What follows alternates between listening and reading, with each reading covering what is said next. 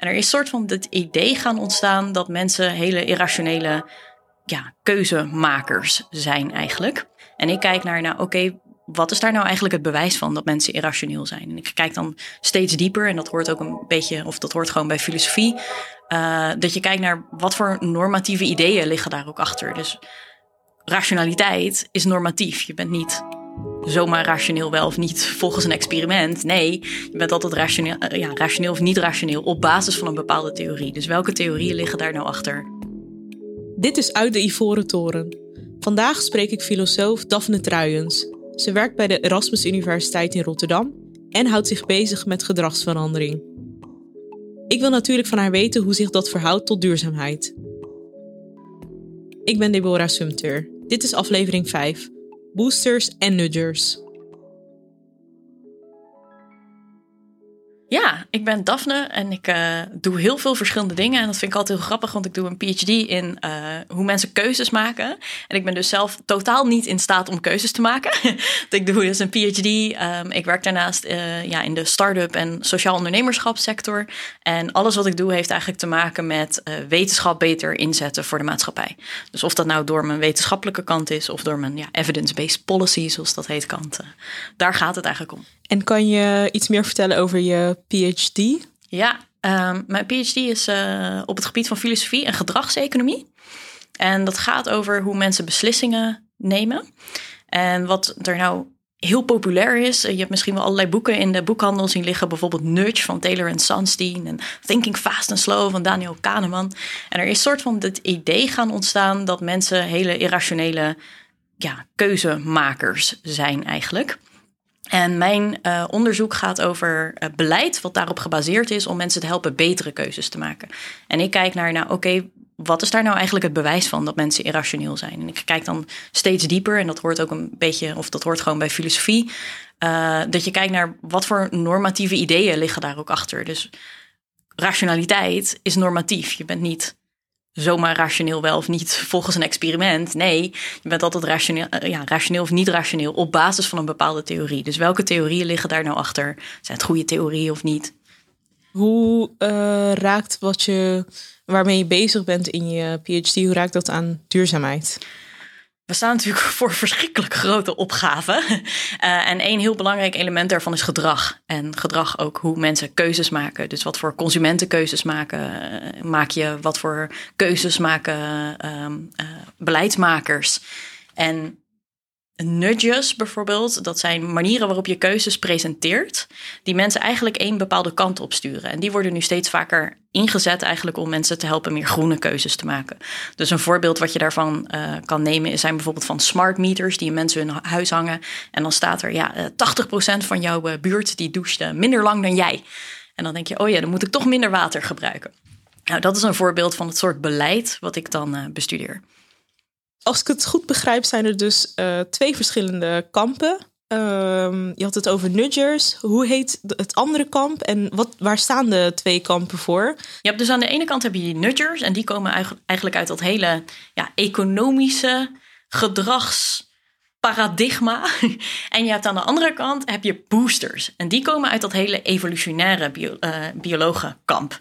En waar die economen eigenlijk voor staan, die kijken naar een heel optimaal idee van rationaliteit. Dus die zien ook wel dat mensen niet de hele tijd de goede beslissingen nemen.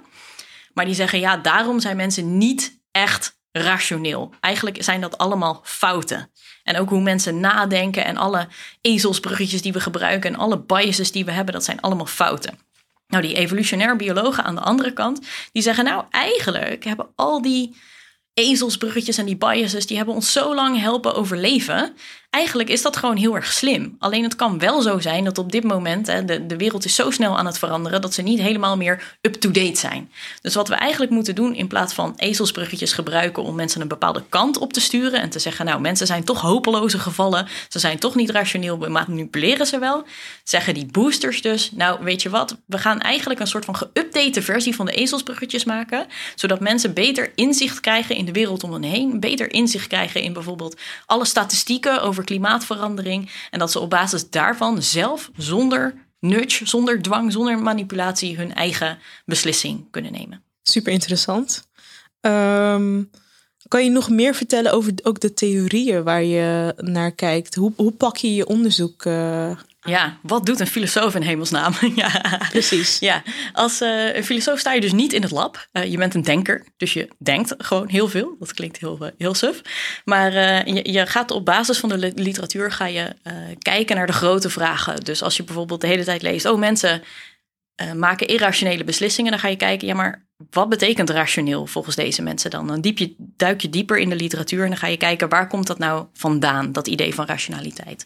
En in mijn geval ben ik dus uh, ja, heel lang gaan zoeken, ook door de historie van dat denken en, wat voor type beslissingen en type experimenten er nou gedaan werden.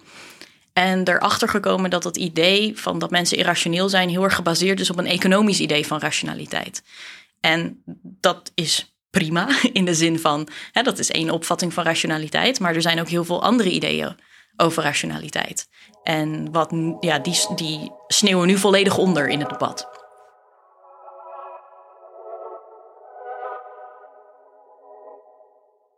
Kan je iets meer vertellen over dus dat economische idee van rationaliteit? Ja, dat gaat eigenlijk uit van het idee dat mensen uh, nou ja, dat idealiter, als je echt volledig rationeel bent, dan denk je alles helemaal, uh, uh, helemaal zorgvuldig uit als een soort van supercomputer.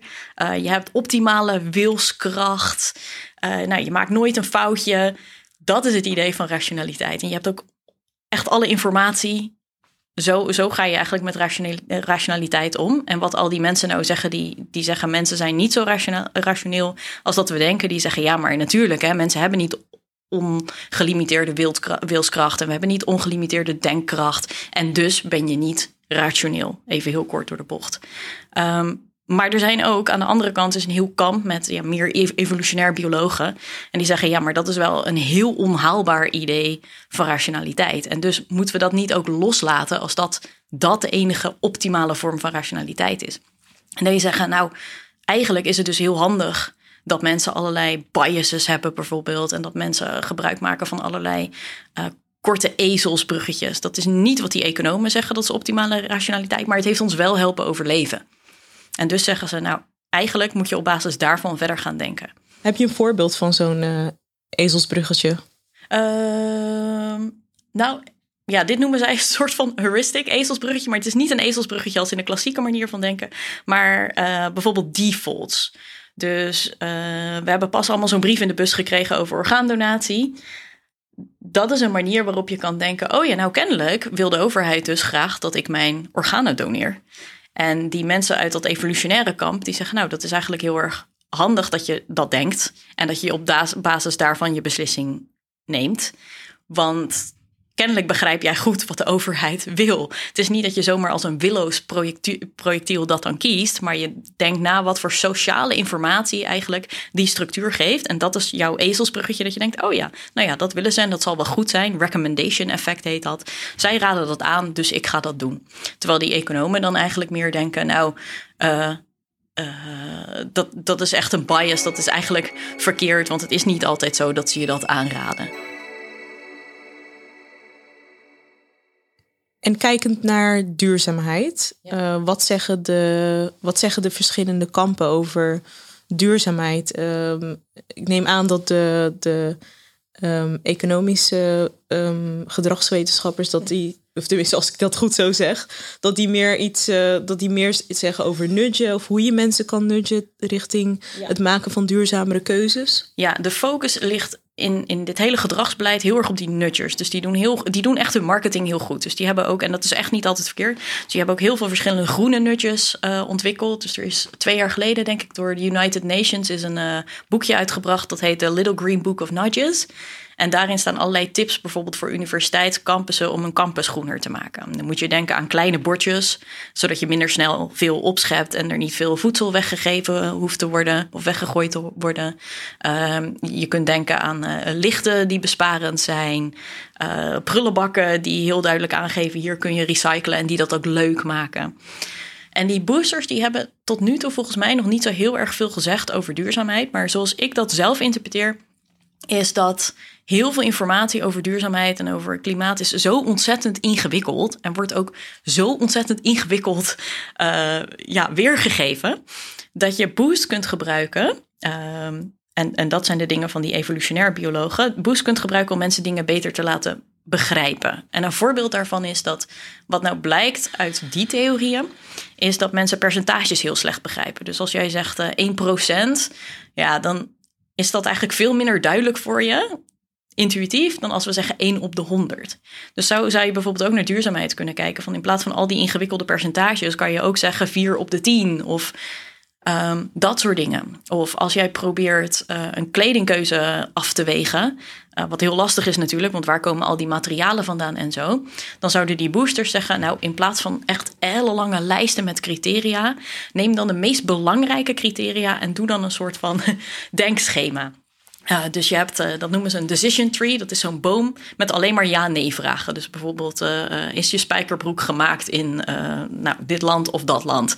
En dan, zeg je, dan kies je één kant. En dan hoeveel water is er gebruikt? Staat dat erin? Van welke materialen is het? En dan zou er heel makkelijk zeg maar een, een, ja, een overzicht en begrip kunnen komen van welke spijkerbroek beter is. Ben je ook op de hoogte van het onderzoek dat gedaan wordt, dus naar waarom mensen bepaalde keuzes maken? En kan je daar iets over vertellen? Ja, uh, dat is dus met name nu heel erg theoretisch, bijna speculatief zou ik willen zeggen. Vooral aan die nudge kant, uh, zoals ik het zie. Uh, dus ze hebben allemaal verschillende ehm, ja, ideeën, theorieën over hoe mensen denken. En hoe je dat kan zien is dat ze aan de nudge kant denken ze dus met name in termen van biases. Uh, Wat zijn biases? Ja, biases zijn dus um, automatische manieren van denken, laat ik het zo zeggen. En uh, wat, wat er gebeurt, zij zeggen eigenlijk, je hebt twee verschillende kanten in je brein. En de een is je automatische kant van je brein. Die doet alles intuïtief en reageert heel snel op prikkels. En de andere kant is je, uh, ja, je meer reflectieve kant van brein. En dan ga, je heel langzaam over dingen nadenken. Maar wat er bij ons gebeurt als we onder tijdsdruk staan... of als er iets een leuk rood kleurtje heeft... dan raakt dat helemaal getriggerd. En dan ga je dus voor die shortcut. Dan ga je voor die bias. En het is bijna niet mogelijk, zeggen zij, om die andere kant te kiezen. En, maar dat is dus nog best wel speculatief... En we vragen, zoals ik denk, vragen we niet genoeg naar mensen. En dat andere kant, dat evolutionaire kant, die doet wat meer onderzoeken echt op uh, uh, verschillende manieren om dingen aan mensen te presenteren. Ook op een neutrale manier. En probeert dan te achterhalen waarom mensen dingen beter begrijpen op een bepaalde manier. En leiden natuurlijk ook veel af uit evolutie. Dus ze zeggen, ja, jouw brein is dus... Zij, zij, ze denken helemaal niet dat je brein zo uit die twee kanten bestaat überhaupt.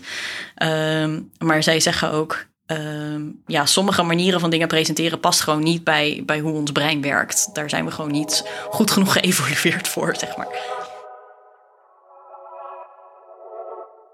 Ben ook benieuwd hoe het zit met uh, op het gebied van duurzaamheid. Dus uh, bedrijven die misschien uh, meer willen gaan doen aan duurzaamheid. Ja. Weet je ook iets over wat voor um, ja, wat, wat voor theorieën ze volgen. Of dat ze meer richting, oké, we gaan meer rondom nudge doen. Ja, nudge is echt waanzinnig populair. En dat is natuurlijk ook logisch, want het is best wel goedkoop. Je hoeft de hele kleine dingetjes maar te veranderen. Dus eigenlijk wordt er met name gekeken vooral intern naar nudgen, als in het makkelijker maken om dingen te recyclen, makkelijker maken om vegetarische opties te kiezen, um, uh, makkelijker maken om, om lichten niet aan te laten staan, groene stroom afnemen, al die dingen. Daar wordt het meest naar gekeken. Maar ik denk dat er dus best wel veel uh, potentie ook zit om, om naar ander type ja, gedragsbeleid te kijken, zoals die boost, waarbij je ook informatie gewoon helderder maakt ik geloof zelf, maar dat is meer mijn intuïtie, dat mensen echt best wel duurzaam gedrag willen vertonen. Maar het is allemaal zo ontzettend complex. En dan ga je ook denken, ja, mensen proberen me te manipuleren en iedereen wil dit nu van me. En daar, ja, ik denk dat nutjes dat misschien, uh, ja, daar best wel een, een soort van tegenreactie op kunnen veroorzaken. Terwijl als je het gewoon helder presenteren, dan kan dat echt wel helpen, denk ik, om mensen een goede kant op uh, te krijgen, mee te krijgen in de revolutie. Ik bedoel, ik ben, ik ben stiekem voor. ja. Maar ja. Heb je ook voorbeelden van um, dus de um, nudges uh, rondom omtrent uh, duurzaam gedrag of om duurzaam gedrag te stimuleren?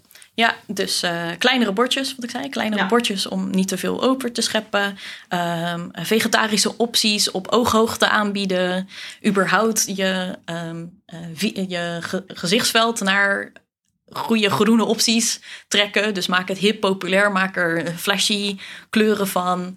Uh, alles eigenlijk om het maar ja, zo, zo makkelijk mogelijk te maken. En het liefst zeggen nutjes ook altijd: probeer het zo te integreren met als er toch iets nieuws gaat gebeuren. En waarbij nieuwe gedragingen worden uh, gestart. Dus bijvoorbeeld als je iets hier op de campus of op, uh, in Leiden ergens op de universiteit wil veranderen, doe dat dan aan het begin van het nieuwe semester. Want dan is toch alles nieuw.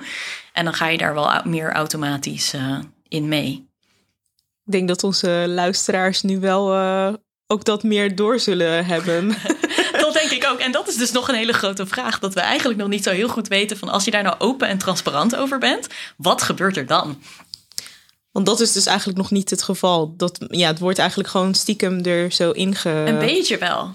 Ja, een beetje wel. En dat is niet altijd verkeerd. Hè? Ik bedoel, dat, ja, dat kan ook leuk zijn. Ik denk zelf altijd over die nutjes en papier weggooien. Voordat het een nudge heette, als je wel eens in de Efteling bent geweest, dan heb je van die hollebolle gijzen daar gezien. Dan kon je een propje doorheen gooien of je wiki pakje. En dan ging dat een, liedje zingen of zo. Ja, prima. Hartstikke leuk. Minder afval op straat en alle papier bij elkaar verzameld. Top. Nou, ik denk dat we, dat we nu al een beter beeld hebben over, over je onderzoek. Um, je vertelde aan het begin ook dat je best wel veel of, doet rondom maatschappelijk uh, verantwoord ondernemen. Kan je daar meer over vertellen? Hoe je dat, wat je doet en hoe je dat combineert ook met je PhD? Ja, eigenlijk zo, die, dat gedragsbeleid is eigenlijk maar één vorm van wat we noemen evidence-based policy. En evidence-based policy is eigenlijk beleid gebaseerd op wetenschap. Um, dus ik kijk eigenlijk ook wat breder naar um, ja, op beleid gebaseerde innovaties en beleid. En ik probeer daar met name met jonge onderzoekers uh, daaraan te werken. Met overheden en grote corporates of grote organisaties. Dus ik heb bijvoorbeeld gewerkt met hele teams rond, uh, rond duurzaamheid op een project dat heette Circular Minds. En op basis daarvan uh, wilden we bijvoorbeeld een populair, hebben een populair wetenschappelijk boek geschreven over circulaire economie. Wat is het? Uh, daar organiseerden we conferenties omheen, maar ook uh, bepaalde workshops om mensen, of met name bedrijven, te helpen te kijken hoe duurzaam zijn we nou eigenlijk en wat kunnen we daaraan doen. Uh, we hadden bijvoorbeeld ooit een workshop met, met Dopper en, en Billfinger Debodin en dat ging erover hoe kunnen we nou van die dopperflesjes die uitge, die vies zijn, zeg maar, hoe kunnen we ervoor zorgen dat mensen die op een goede manier terugsturen, zodat ze wij, zij ze weer kunnen hergebruiken. In plaats van dat het materiaal weer uh, verdwijnt. En dat doe ik dan eigenlijk met groepen onderzoekers. Um, en wat ik met name merk is dat je gewoon binnen de universiteit best wel weinig gestimuleerd wordt om impact te maken met je onderzoek. Dus voor mij was het heel belangrijk om juist met de nieuwe generatie te gaan kijken van hoe kunnen wij dat anders doen. En zijn er manieren om wetenschapper te zijn, maar tegelijkertijd wel echt die impact te maken. En dan is duurzaamheid natuurlijk echt een van de belangrijkste thema's. En het is ook een van de meest complexe thema's waarbij je echt een variëteit aan verschillende wetenschappers nodig hebt. En dat vind ik dus superleuk. Hoe zet je je kennis als onderzoeker ook in om uh, meer gedragsverandering op het gebied van duurzaamheid teweeg te brengen of mensen daarin te adviseren? Ja, ik, uh, dus dat zijn eigenlijk weer die twee kanten van mijn onderzoek. Gedrags ben ik op dit moment nog niet heel erg bezig, specifiek het gedrag, omdat ik dus nog midden in mijn eigen onderzoek sta. Maar wel iets breder, zeg maar, de evidence-based policy in het algemeen. En ik probeer heel goed te kijken naar, als we bijvoorbeeld projecten doen, ook met de overheid, van uh, uh, welke disciplines hebben we nodig als we echt een vraag beantwoorden? Wat is de vraag echt? En waar houdt jouw rol op als een uh, wetenschapper en waar begint die van een beleidsmaker? Want alles rond duurzaamheid is eigenlijk ook heel normatief. En je raakt heel makkelijk in een soort van activistische rol als wetenschapper. En daar zijn wetenschappers weer bang voor. Dus ik probeer vanuit mijn eigen onderzoek gaat ook over, ja, waar zit die, hè, waar hebben we het nog echt over bewijs? En waar zeggen we iets normatiefs over wat eigenlijk niet te bewijzen is? Maar oké, wanneer is het dan nodig dat je dat toch zegt? En als je dat zegt, hoe zeg je dat dan? Met wat voor soort van disclaimers bijvoorbeeld? Heb je ook concrete Ja, dus een voorbeeld bijvoorbeeld in, uh, in duur, alles wat wetenschappers communiceren, niks staat 100% vast. En uh, als je over duurzaamheid communiceert, dan communiceer je dus heel vaak in termen van risico's. En wat wetenschappers half onbewust doen, is dat je toch gaat vertalen naar een, een hoog of een laag of een medium risico. En dat weeg je eigenlijk af op basis van de sociale consequenties die het heeft, ook als je het verkeerd zegt.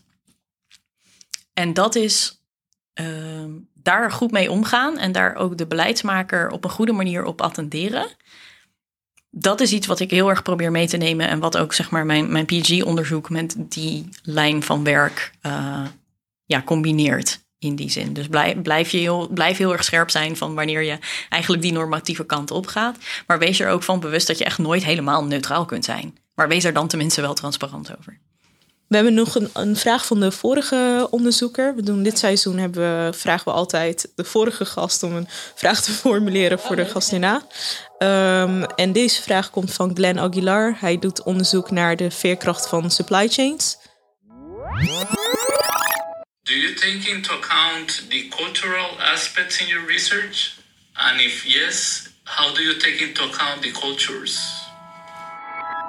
Leuke vraag. Goede vraag ook. Heel, nee, het is oprecht heel belangrijk. Um, waar ik um, naar kijk, zeg maar, over uh, het evidence-based policy, wat wij noemen. Het is niet dat ik er heel direct bezig ben, maar het zit wel altijd in mijn achterhoofd. Is dat er een hele groep mensen zegt: ja, die culturele verschillen tussen wetenschappers en tussen beleidsmakers en de normatieve waarde die dat eigenlijk met zich meebrengt, die moeten we niet als iets vies of verkeerd zien in de wetenschap. Die moeten we juist gebruiken om ervoor te zorgen dat er genoeg hoor en tegenhoor plaatsvindt. Dus altijd als wetenschappers en uh, beleidsmakers samen hè, innovaties bedenken of beleid uh, maken, dan moeten die culturele aspecten altijd meegenomen worden. En in de zin van of die echt bij gedragsbeleid meegenomen worden of dat mensen echt ook anders kiezen in andere culturen. Dat weet ik niet zo goed, maar uh, ik kan me zo voorstellen dat bijvoorbeeld alle uh, nutjes die te maken hebben met uh, sociale normen, dus uh, zoveel van je buurmannen doen dit ook, dat die in sommige culturen waarbij gemeenschapszin belangrijker is, dat die bijvoorbeeld beter aanslaan. Uh, dan heb ik ook nog de vraag aan jou of jij de vraag voor de volgende gast uh, wilt formuleren. Wie is de volgende gast? De volgende gast dat is Anna Peters. Uh, zij doet onderzoek bij de TU Delft naar transities. ze gebruikt de eiwittransitie echt als, als hoofdcase daarin. en ze kijkt eigenlijk ook vanuit design van oké, okay, wat, kunnen, wat voor rol kunnen designers spelen om zulke transities vorm te geven. Waar ik heel benieuwd naar ben, is um, mijn intuïtie is dat designers veel meer, of in ieder geval een bepaald soort designers, altijd beginnen met de eindgebruiker in gedachten. Dus hoe kijk jij naar de rol van design als uh, ja, gefocust op de eindgebruiker of het einddoel en reken je dan terug, zeg maar? Kijk je op die manier naar design? Of doe je er iets heel anders mee? Dankjewel voor de vraag. Dan heb ik tot slot nog de laat, uh, laatste vraag voor je. Uh, dit jaar is het Lustrumjaar van uh, Leiden Delft Erasmus van de Strategische Alliantie. en het thema is The Next 10 Years, dus we kijken weer vooruit. wat denk jij dat de grootste doorbraak is binnen jouw vakgebied? Oeh, wat ik echt hoop, wat ik, waar ik me ook echt met mijn PhD probeer op te richten, is dat we echt veel meer met mensen gaan praten in plaats van over mensen gaan praten. En dus ook veel meer gaan leren over waarom dus de mensen de beslissingen nemen die ze nemen. En dat we daarbij een, een grote variëteit aan mensen uh, ja, meenemen. En dus aan de ene kant dat we dat bewijs versterken, maar aan de andere kant dat je dus ook veel beter, veel minder uh, top-down wetenschap gaat doen. En dat je ook mensen serieus neemt en de redenen waarom ze kiezen. En in ieder geval naar luistert en niet vanaf start al denkt, ja, ik ga deze mensen onderzoeken en wat ze zeggen, dat, uh, dat klopt waarschijnlijk niet, want ze zijn toch allemaal irrationeel. Dus ik hoop dat die tegenbeweging op gang komt en uh, ja, ik hoop dat we daarmee gewoon wat, wat langduriger resultaten kunnen boeken. Zeker op duurzaamheid. Nou, ik ben benieuwd. Uh, we gaan het uh, volgen um, in de komende tien jaar. Ja, vraag me over tien jaar maar nog een keer. Ja. Um, ja, nou dankjewel dat je te gast uh, was. Uh, ik heb gewoon heel, ook heel veel nieuwe dingen geleerd. Uh, ik ben, kom zelf meer van een technische achtergrond. Dus ik, ik, ben, ik, ik ga erop letten, al die nudgingstechnieken van, uh, ja. van Albright. Leuk, nou dankjewel dat ik hier was. Ik vind het super toffe podcast, dus ik hoor graag meer. Bedankt voor het luisteren. Over twee weken zijn we terug. Dan spreek ik Anna Peters. We hebben het dan over de rol van ontwerpers in transities. Tot de volgende uit de Ivoren Toren.